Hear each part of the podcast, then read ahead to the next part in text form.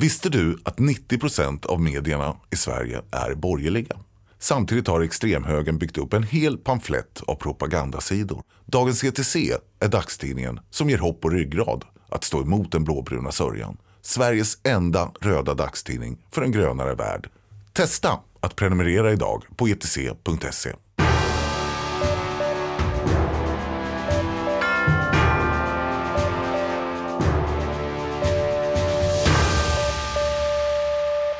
Hej och varmt välkomna till det elfte avsnittet av Tyckpressen, Dagens ETCs ledarpodd. Ehm, det är podden där vi tillsammans med inbjudna gäster pratar om vad som är eh, rätt och riktigt, eh, vad som är kul, vad som är bra och dålig politik eh, med en mängd olika röster. Ehm, och idag är, jag, har verkligen, jag har sett fram emot det här avsnittet. Ehm, Med mig idag från Dagens ETC så har jag Kristoffer Röstlund Jonsson. Varmt välkommen. Tack så mycket. Och jag har också med mig Dina Ötterli, förbundsordförande för Jag vill ha bostad.nu. Hej, varmt välkommen. Stort tack. Hej. Idag så ska vi prata om en artikel som eh, du, Kristoffer, har skrivit. Eh, Jag, eh, liksom, jag ska läsa det första som står i, i tidningen. Värdarna utnyttjar systemfel för att ta ockerhyror genom nya mellanhänder. Tiotusentals hyresrätter försvinner. Innan vi sätter igång med den första punkten, så bara så här, var, vart försvinner de? Var, liksom, finns de inte kvar? Är det så, bara, vad händer? De finns ju inte kvar för vanliga medborgare med vanliga inkomster. Utan de försvinner till de som kan betala helt absurda astronomiska summor. De, det. de, de försvinner till de med störst plånböcker helt enkelt. Så i praktiken kan man säga att, eh, för att summera artikeln snabbt, så är det att privata hyresvärdar har hittat ett system där man kan sätta i princip ja, fria marknadshyror. Har man, man rundar de regler vi har i Sverige och kör sina egna marknadshyror. Min första punkt, min fråga. Egentligen först kanske till dig Dina. Så här, men mår du lika dåligt som jag när du har liksom läst igenom den här artikeln? Vad, vad kände du? Vad tänkte du? Vad, vad, ja, vad kände du efter att ha läst? Ja, det, är- det är klart att jag mådde dåligt. Jag sa ju det när jag klev in här i, i studion på morgonen också. Att jag är inne i en sån här eh, deppperiod. När man jobbar med bostadspolitik så går det verkligen mellan lite, lite, lite hopp men och så djupt ner i förtvivlan. Och, eh, men jag är ju väldigt, väldigt glad att, att ETC granskar det här. För att det är, jag tycker att det är väldigt bra journalistik och jag tycker att media borde, borde granska bostadsmarknaden mer.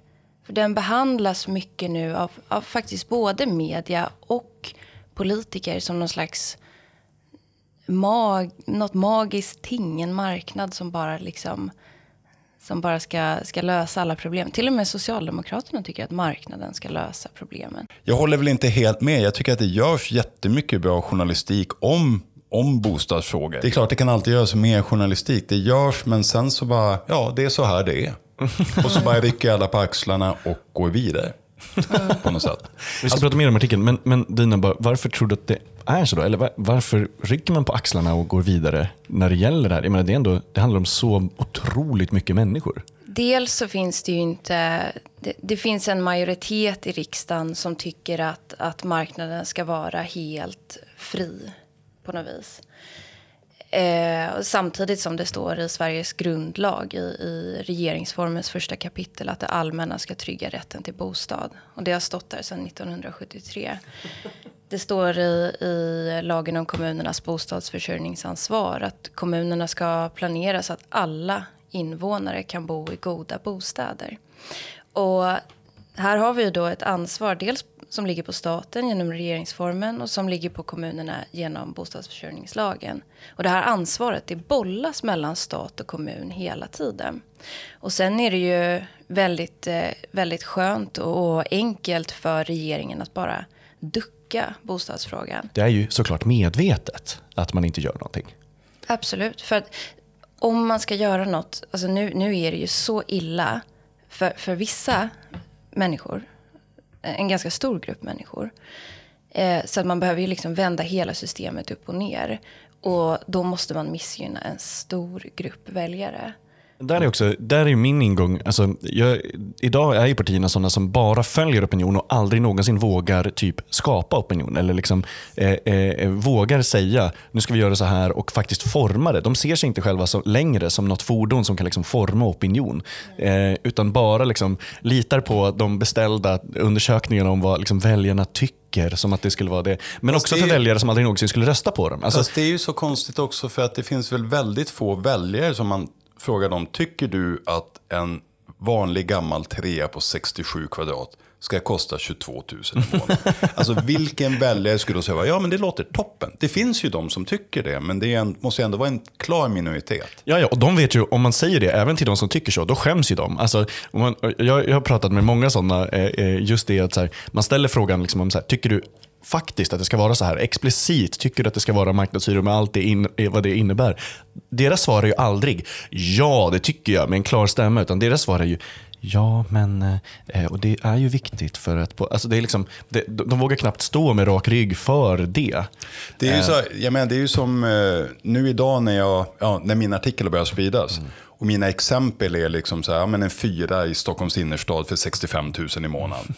Då är någon eh, SUF, eh, alltså Centerns ungdomsförbund, som har twittrat ut bara en bild på Scandic Hotel. Bara, ja, här kostar en månad 47 000.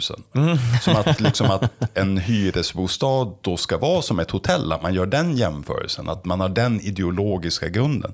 Då är det klart att, att det känns rimligt att jämföra med Scandic Hotel. Men här, och här gör vi det. Vi, här kommer vi tillbaka då till artikeln. Vi spolar tillbaka lite och så vill jag fråga dig. Eh, först då, Kristoffer. Varför har du granskat det här? Alltså, jag tycker att det är superviktigt för jag tycker bostad är en central del av en människas liv. Utan en fast bostad, vad är du då? Då är du hemlös.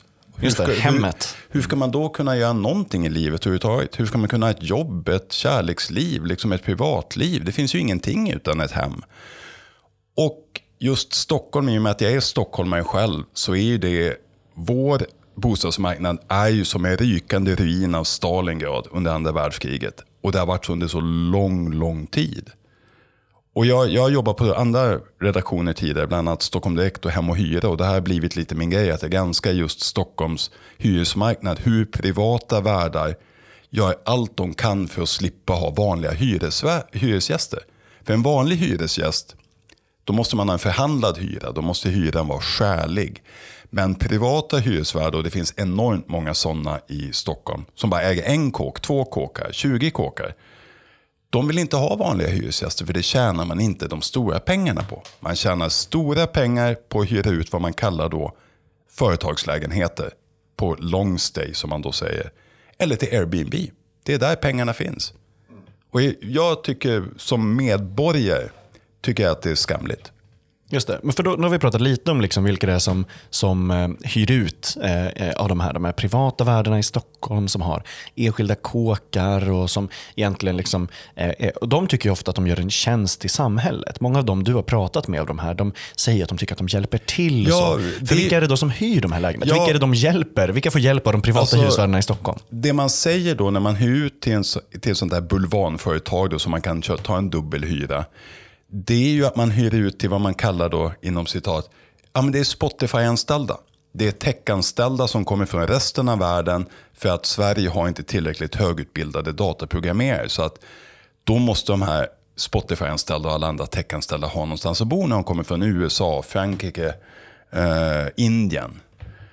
Så att det är ju det man säger. Och i mångt och mycket visar undersökningen att det är det. Det är tech-anställda. Men det finns också undersökningar som visar att det är liksom byggjobbarna från Östeuropa som kommer hit och också behöver någonstans att bo som då tränger in sig hur många som helst i en, i en vanlig lägenhet som kostar 30 lax i månaden. När de här personerna då, ja men till exempel de här högutbildade techarbetarna och så kommer till, till eh, Sverige och så, då får de ju nästan alltid sin bostad kopplad till sin arbetsgivare. Ser ni också några risker med att ha typ sitt boende, eh, att så här, ha sin chef som hyresvärd? Eller liksom, är det någonting som ni har tittat på eller tänkt på? Nej, men vi, vi brukar ju säga att vi generellt sett så förespråkar vi inte kategoribostäder. Eh, vi tycker att, att unga människor är precis som, som äldre människor, har samma rätt till bostad. Mm. Så att, ha, att, att bo i studentbostad till exempel, det är ju kopplat till studieresultat ofta. Så att, eh, och, så att ja, på det sättet jobbar vi med det. Att vi tycker liksom inte att boendet och hemmet ska vara kopplat till ens sysselsättning och prestation. Hyresgästföreningen som jag intervjuade i den här artikeln, de har ju upptäckt att eh, det också finns många exempel där faktiskt bara arbetsplatsen står på kontraktet. Så arbetsplatsen betalar hyran och sen fakturerar sin anställda eller drar det från lönen. Mm. Så då är i princip så här, då är ju plötsligt arbetsvärden också hyresvärd till, mm. till den anställda. Och vad ska, man, vad ska man göra då? Om man byter jobb, blir man av med bostaden? Det är samma sätt som den som faktiskt bor i huset, den som fysiskt bor i lägenheten, skulle ju i teorin kunna kräva tillbaks överhyran av sitt jobb som är den man betalar till. Men vem gör det? Ska man gå till chefen och säga du, min lägenhet borde egentligen bara kosta 10 000, jag betalar 25 000, kan jag få tillbaka de här 15 000 varje månad? så bara, de bara, ja här får du det. För att man har 100% chans att vinna det i hyresnämnden. Men sen har man ju inget jobb. Jag tänker ju att allting det här kokas ju ner till vem, vem är städerna till för? För att ja, om inte politikerna känner till det så kan jag upplysa dem om att det, det finns också undersköterskor i Stockholm och det finns lärare. Va? Det finns, det finns konstnärer.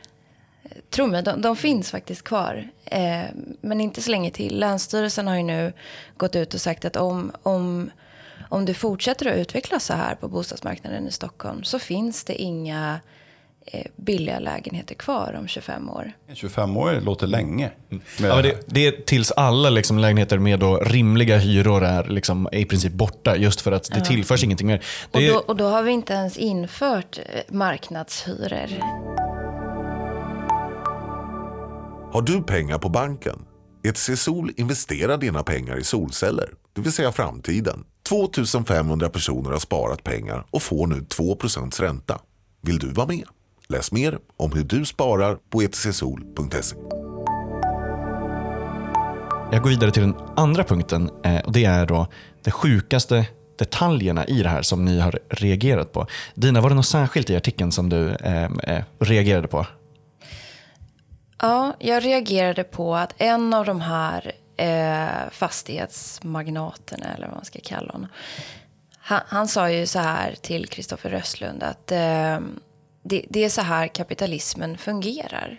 Man, man, försöker, man försöker att skaffa, ja, skaffa så mycket vinst som möjligt åt sina aktieägare. Och det tycker jag är så himla intressant. För att han sätter ju ändå han sätter ju liksom ord på problemet på marknaden. Att om inte politiken går in och reglerar men också ser till så att det byggs tillräckligt så att det finns incitament att bygga för alla grupper i samhället. Ja, men men det är så här företag jobbar. Deras skyldighet är att gå med så mycket vinst som möjligt till sina aktieägare och att hitta hål i lagstiftningen. Och han säger att moraliskt så är det ju säkert fel, eller det är en annan fråga. Och, och den här moralen, det är ju den då som lagstiftning och politiker behöver bidra med. Han tyckte att min frågeställning var helt absurd. Han säger det också, varför ringer du mig? Vad, vad, vad, är, vad är din fråga egentligen? Vad är poängen med att du ringer mig? Och när jag säger då också så här att kostnaden blir högre för de boende. Ja, och?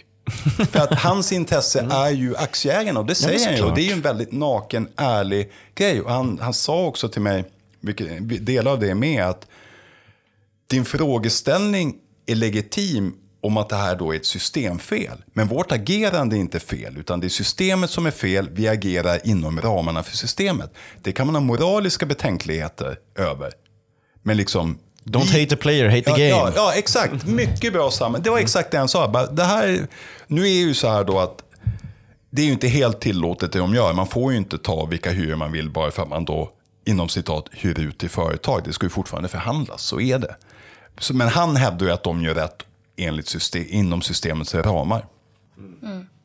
Och, och ändå så har vi liksom alla politiska partier utom Vänsterpartiet egentligen säger att marknaden ska lösa problemen. Men vi tänker inte liksom skapa någon politik som, som, som gör så att marknaden kan lösa problemen. Och, och, man, vill ju liksom, man vill ju upplysa den där vdn som, som hyr ut bostäder om att det, den businessen han jobbar med är en mänsklig rättighet. Grundlagsskyddad. Det är inte liksom att han säljer guldklockor eller no någonting som, som vi människor kan leva utan. Utan han, han och hans företagsidé påverkar människor på, på det allra djupaste plan. Liksom. Det, det, är ju det folk säger också. På, ja, men, I sociala medier som vi älskar att hänvisa till som journalister, liksom, reaktioner på den här artikeln. Då är ju människor som säger bara, vad är problemet? Någon har en, någon har en vara, någon vill sälja den till det pris de begär. Och någon Men vill köpa för det. vilken nej, vara som nej, helst? det är ju det som är den ideologiska frågan då. Ja. Tycker man att bostad, tak över huvudet, det är som att gå och köpa jag glass, inte, nya, nya, skor, glass, whatever. Mm. Så, så tycker man det, då kan man säga att den här glassen kostar 70 000. Den som vill köpa en glassen kan få betala 70 000. Men det är inte heller sant när de säger så, även med den ingången. För att det, i, i, flera andra bitar så finns det också ett konsumentperspektiv. Men det finns ju inte ens här. Även om man tycker det. Liksom, även de som tycker att det är en vara. Då, där, det finns ju liksom ingen så här, lagstiftning för, som ska vara då konsumentskyddslagstiftning eh, som de skulle vilja ha. Utan mm. Den finns i så fall där i till exempel besiktningsskyddet. Att så här, du har skydd mot att bli godtyckligt vräkt direkt. Eh, men här har du ju inte det. Alltså, jag menar, det är i full realitet möjligt då, om du bor i ett sånt här long stay, hotellifierad hyresrätt, så kan ju hyresvärden bara säga, jag gillar inte dig, nu får du flytta. Ja, det var roligt du sa där om business om den här killen. För att han säger ju i intervjun också, för de har ju köpt en fastighet. Och han säger så bara, när jag frågar då, varför hyr ni ut till en mellannamn? Så säger han bara, vi är inte roade av bostäder, det är inte vår business. Mm. Så de har ju bara köpt en kåk då som en investering för den kåken innehåller också liksom affärer och andra saker. Liksom. Mm. Det, det, är ju baksidan av att liksom, den här fria marknaden och att bostaden ska vara en kapitalvara och inte en rättighet. Det, Stockholm kommer säkert sluta som London. Då. Att hela, att hela innerstan bara är spökkvarter som ägs av saudiska prinsar för att det är eh, ja, man kan välja mellan att investera liksom i, i guld, eh, guld, silver eller fastigheter. Och att ha hyresgäster där, det är bara, äh, det är bara krångligt. Liksom. I London finns Carl von Linné-sällskapet.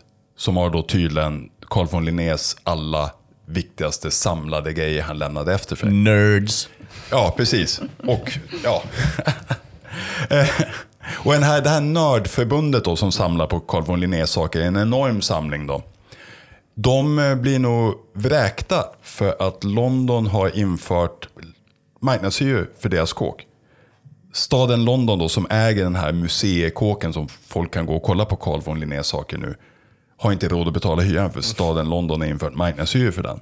Och de är nu oroliga för att de här sakerna går typ inte att flytta för att de kommer att gå åt helvete. Liksom. Så här, det går inte bara att slänga Carl von Linnés samlade verk, vad han fjärilar eller vad han nu har lämnat efter sig i en flyttlåda och låta några flyttgubbar tar.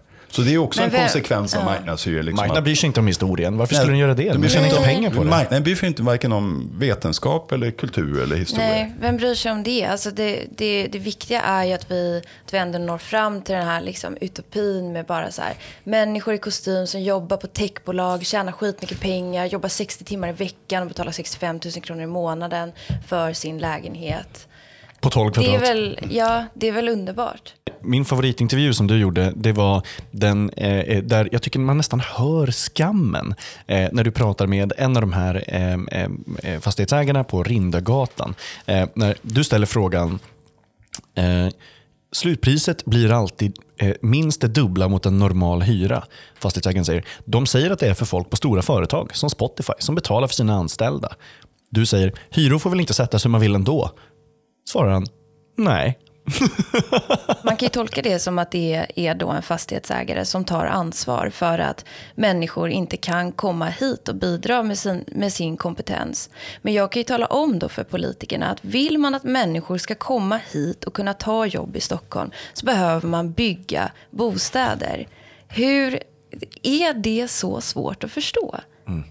Är det det? För jag, jag, tycker att det är ganska självklart. Vill man att människor ska komma till Sverige så måste man ha bostäder. De måste ju bo någonstans. Men här är det, och här är det politikerna de vet ju det här, men ser det som lättare att skjuta bort de som då har lägre inkomster och egentligen bara ersätta dem. Flytta på dem längre ut, slippa tänka på dem och ersätta dem med eh, techarbetare som får 80 000 i månaden. Mm. Så att det är, i, i den ekvationen så är det att de tycker att det är lättare att egentligen trycka bort vanligt folk. Mm. Alltså det är ju, samtidigt är ju, i och med att jag, jag, bor i den här staden, vilket vi alla gör, så blir man ju också helt... Jag beklagar. Ja, i och med att jag skrivit så mycket om det här så blir man ju också helt skadad. För någonstans som stockholmare blir man också bara, sitter man med de här sjuka siffrorna och bara, ja men det här är ju rimligt ändå. För vi känner alla någon, eller om man har varit i den situationen själv, som har suttit på de här helt absurda andrahandshyrorna och betalat. Så när man sitter så bara, tänk bara, ja men 86 kvadrat på Bondegatan, 27 000. Det är väl det är väl det det kostar. Och så får man slå till sig själv och slänga vatten i ansiktet. Nej, det ska fan inte kosta nästan 30 000 att bo i en vanlig trea. Marknadens masspsykos. Alltså det vi ska påminna om också det är liksom att FN skulle gärna se att man betalade max en tredjedel av sin disponibla inkomst för boende. Det är liksom för att ha råd med annat och ha liksom ett, vad man kallar ett fullt och rikt liv. Alltså att du kan mm. liksom göra det du tycker är kul eh, och till exempel också typ konsumera. Jag tycker att det är en sån grej som jag menar, även typ högern borde vilja snappa lite på. Alltså om du inte har några pengar över när du har betalat för din liksom, hyran varje månad till någon sverker någonstans så kan du ju liksom inte till exempel köpa något, stimulera ekonomin och det mm. där. Det bara mm. försvinner helt och hållet. Medellönen i Sverige är ju 35 000 kronor. Och, och det är ju alltså hälften då, och, och, då har man inte ens skattat. Och så är det ändå hälften av vad en fyra på Östermalm kostar med marknadshyra. Eh, men, men så det är intressant att, att, att, läsa den här artikeln och se, för att här får man ju då en hint om ja, vad, vad, är, vad är människor beredda att betala? Vad, vad skulle det kosta om man införde marknadshyror? Och sen kan man ju då fundera på vilka som kommer bo, kunna bo kvar i den här stan. Mm. Jag, jag ska faktiskt läsa lite, för jag ringde en av de här fastighetsvärdarna för Falin förvaltning. Mm. Som, eh, har många, som arbetar väldigt mycket på det här sättet. De har bland annat tömt ett helt hus på Samaritgen på Södermalm då, på vanliga hyresgäster som nu helt kontrolleras av, av ett bulvanföretag som hyr ut. Jag kan spela hyresvärden om du vill. Ja, men ja, gör det då. Då, eh, du, då kan du börja där. Just det. Det känns som att du anklagar mig för något. Jag gillar inte din ton. Varför arbetar ni så här? Ja, men jag är inte skyldig att svara på hur vårt företag jobbar. Ni har tömt ett helt hus på vanliga hyresgäster. Varför då? Jag vet inte om du syftar på ett hus vi har renoverat. Då måste man tömma det. Jag vet att ni renoverat Samariken då man saluför fastigheterna som newly renovated. Nu hyrs bostäderna ut möblerade för dubbel hyra. Men är inte det ett hotell då? Kan inte du eh, skicka ett mail med frågorna? Det är vanliga hyresgäster, så det är ingen skillnad. Jo, det är skillnad. För de bor inte på förhandlade hyror. Du kan eh, mejla mig frågorna. Och sen då... Sen, nu ska jag släppa den här karaktären. Usch, det kändes hemskt. Nu är jag liksom... Men, sen, men, men ja, dels så var ju hon extremt chockad att någon överhuvudtaget ringde och ifrågasatte att det här, att det här är inte en bra grej. Surprise! Men sen hennes svar då, sen så kom hon, mejlade faktiskt hennes svar när jag skickade mina frågor så fick jag ju då ett typiskt liksom företags slash politikersvar. Hyra ut på blockavtal innebär en fördel i och med att vi har en enda motpart istället för flera. De hyrs sedan ut till företag med anställda som kommer utanför Stockholm och Sverige och är här för att arbeta under kortare eller längre tid. Kortare eller längre tid, alltid alltså. ja, företagen behöver detta för att attrahera arbetskraft och det är en viktig del i storstadsregionernas utveckling. Nej, men storstadsregionen dör ju redan. Mm. Alltså, Stockholm har ett negativt flyttnetto nu sedan tre år tillbaka. Och de som flyttar härifrån är mellan 25 och 40 år. Mm. De arbetar också. De är också i arbetsför ålder. Visst, de kanske inte jobbar på techbolag. Då hade de kanske haft råd att bo kvar. Mm. Och varför flyttar de här unga människorna som också är skattebetalare? Jo, för att de behöver större bostad och de vill skaffa barn. Och, och på tal om barn, så första halvåret 2021 så vräktes 273 barn från sina hem i Sverige. Det är den högsta siffran sedan 2015. 11 procent av landets hyresgäster har redan idag svårt att få ihop pengar till hyran. Medellönen i Sverige är 35 000 kronor. De skolorna med sämst skolresultat i Stockholm de fick frågan eh, av SVT Nyheter. Var, varför, varför presterar era, era elever så dåligt? Eh, det, det beror på bostadsbristen, sa de eleverna flyttar från an andrahandskontrakt till andrahandskontrakt. De går i den här skolan kanske en, två, tre månader. Vi hinner inte bygga, de hinner inte bygga upp en relation till sina klasskamrater. De hinner inte bygga upp en relation till sina lärare. De hamnar fel i utbildningen. Bostadsbristen får fruktansvärda konsekvenser för de som inte arbetar. Mm. Barn till exempel. Ja. Så, mm. så är det ju, jag menar det här negativa flyttnettot. Jag menar, ingen är ju ovetande om att Stockholm har en extremt stark eh, NIMBY-rörelse. Alltså not in my backyard. Folk som verkligen inte vill att det ska byggas här. För man vill att Stockholm ska se ut som det alltid har gjort. Och den rörelsen är väldigt stark i Stockholm. Och de använder det negativa flyttnettot som då ett argument. Så bara, kolla nu flyttar folk, vi behöver inte bygga bostäder. Men då är det så här, vi som bor här, vi föder ju faktiskt fortfarande barn. Va? Ja, precis. Vi har inte infört någon kinesisk enbarnspolitik än. Nej. Så att jag menar, och min dotter som är 12 nu, hon kanske inte vill bo kvar i Stockholm när hon blir vuxen. Men jag vill ändå att hon ska ha en möjlighet att kunna det om hon mm. vill det. Och mm. allas barn ska kunna, jag vill bo kvar i Stockholm. Nu bygger vi en framtid där det inte är ett alternativ. Mm. Det äger att NIMBY-rörelsen liksom ville så här, men bevara Stockholm som det har varit, men aldrig någonsin skulle då motsätta sig att typ storkapital från andra länder köper massa hyresrätter och gör hotell. Det förändrar inte stadsbilden. Nej, för liksom. det, ser, det, ser bra, det ser bra ut utåt. Och, mm, fasaden är likadan, det finns inga nya hus. Liksom. Men inuti ser det bara ut som en en hotellannons. det är bara, det är bara fetischism. Liksom. Eh, jag skulle men, vilja fråga dig, Kristoffer. Vad, vad tittar du på härnäst? Vad händer? Vad, vad eh, fortsätter du att eh, titta på? Och framförallt, hur ska man göra om man vill ha någonting som man skulle vilja säga till dig? Du får gärna mejla mig på kristoffer.rostlund.etc.se och mitt namn stavas som är CH och 2F. Och det finns på internet också så det är lätt att hitta. Så jag tar gärna emot tips. Alltså varje gång jag skriver om sånt här får man ju skitmycket tips. Alla har en berättelse ju. Alla, har, alla har en berättelse om bostadsmarknaden. Ja, just det. För att det är ju det folk i storstäder pratar om. För, för att många är desperata. Många mm. liksom, vart ska jag bo? Vart ska mina barn bo? Vart ska min tjej bo? Vart ska min mm. pojkvän bo? Liksom, alltså, alla är ju desperata för marknaden är helt fucked. Mm. jag, eh, jag håller med. Dina, jag skulle vilja fråga dig. Vad är alternativet då till den här hotellifieringen? Eller så här, kan, kan det bara bli värre? Från där du står, du jobbar med liksom bostads, de här frågorna nästan varenda dag, du tänker på dem garanterat eh, eh, typ hela tiden. Mm. Eh, kan det bara bli värre? Ja, så länge inte politikerna ser till så att det byggs Mm. Men hur får vi dem att göra det då? Hur, får, hur, hur ska någon som liksom lyssnar, vad, vad skulle du vilja att de gör så att, eh, så att vi kan liksom få politikerna att fatta det här? Ja, jag brukar säga att jag vill se ett, startlån, ett statligt startlån för första köpare och ett ökat investeringsstöd. Men sen vill jag också se att staten faktiskt sätter press på kommunerna. För att nu är det som att ja, men Stockholms kommun tänker att ja, men kanske Huddinge kommun eller Haninge kommun, de kan väl ansvara för bostadsförsörjningen. Eller eh, ja, men Göteborgs kommun tänker att Partille kommun, de kan väl ansvara för bostadsförsörjningen. Men det är faktiskt så att enligt lagen så ska alla kommuner, alla kommuner ska sätta sig ner, planera, markanvisa och se till så att det byggs bostäder för alla invånare i kommunen. Och det står inte bara bostäder, det står goda bostäder. Och då behöver ju politikerna också fråga sig, är en fyra för 65 000 kronor i månaden, är, lever man gott då? Mm. Eller jag en, tror inte det. Eller en studentlya på 12 kvadrat eh, utan egen dusch liksom också. Och, eh, mm. Slopade tillgänglighetskrav och allt det också. Mm. jag menar, jag menar den, här v, den här vdn som sa att det är så här kapitalismen funkar. Mm. I hans fastighet och som man egentligen inte vill ha hand om för de vill inte ha bostäder.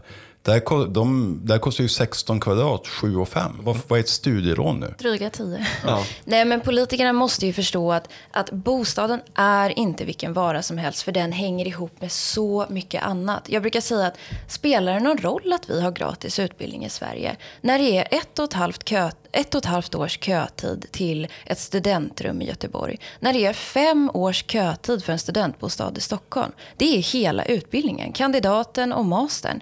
Alltså, bostaden är, den är fundamental för ett samhälle. Och kan man verkligen lämna det åt marknaden? Att bara så här, ja men bygg, vi får se vad som händer. Ja men bygger du ett hus utanför Stockholm så måste det också gå ett tåg dit. Eller det måste gå en väg dit. Och det ansvarar inte fastighetsägarna för. Det är inte bara så att de har huvudet under sanden, de lever under den. Få är ju de eh, strålarna av politiskt hopp eh, i de här typen av, av frågor. Men, eh, och vi har, vi har till och med slut för tid eh, för idag. Men det jag skulle vilja säga här, det är ju också att eh, nästan inga har politiska spåkulor som kommer att veta exakt hur någonting ser ut i framtiden. Eh, jag brukar tänka liksom hur snabbt saker förändras och det betyder ju också att de kan förändras igen.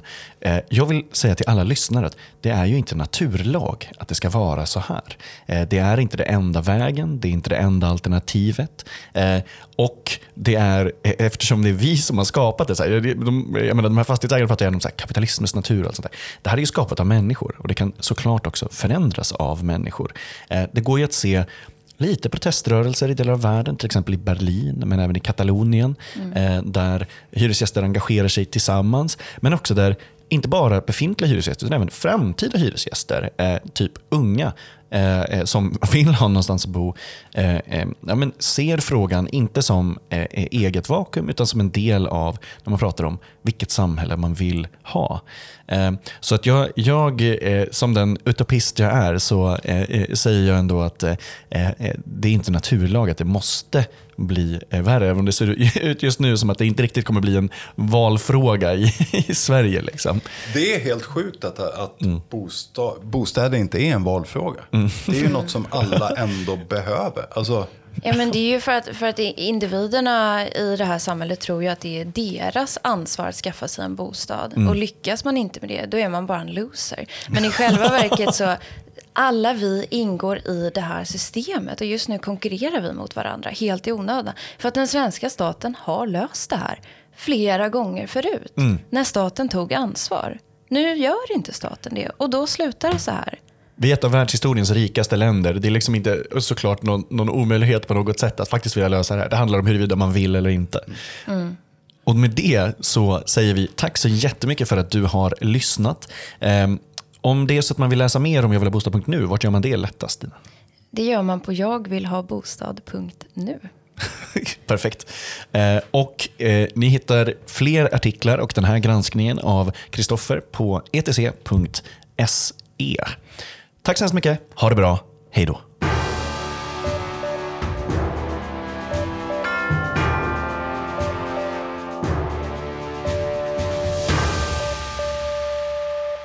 Visste du att 90 procent av medierna i Sverige är borgerliga? Samtidigt har extremhögern byggt upp en hel pamflett av propagandasidor. Dagens ETC är dagstidningen som ger hopp och ryggrad att stå emot den blåbruna sörjan. Sveriges enda röda dagstidning för en grönare värld. Testa att prenumerera idag på etc.se.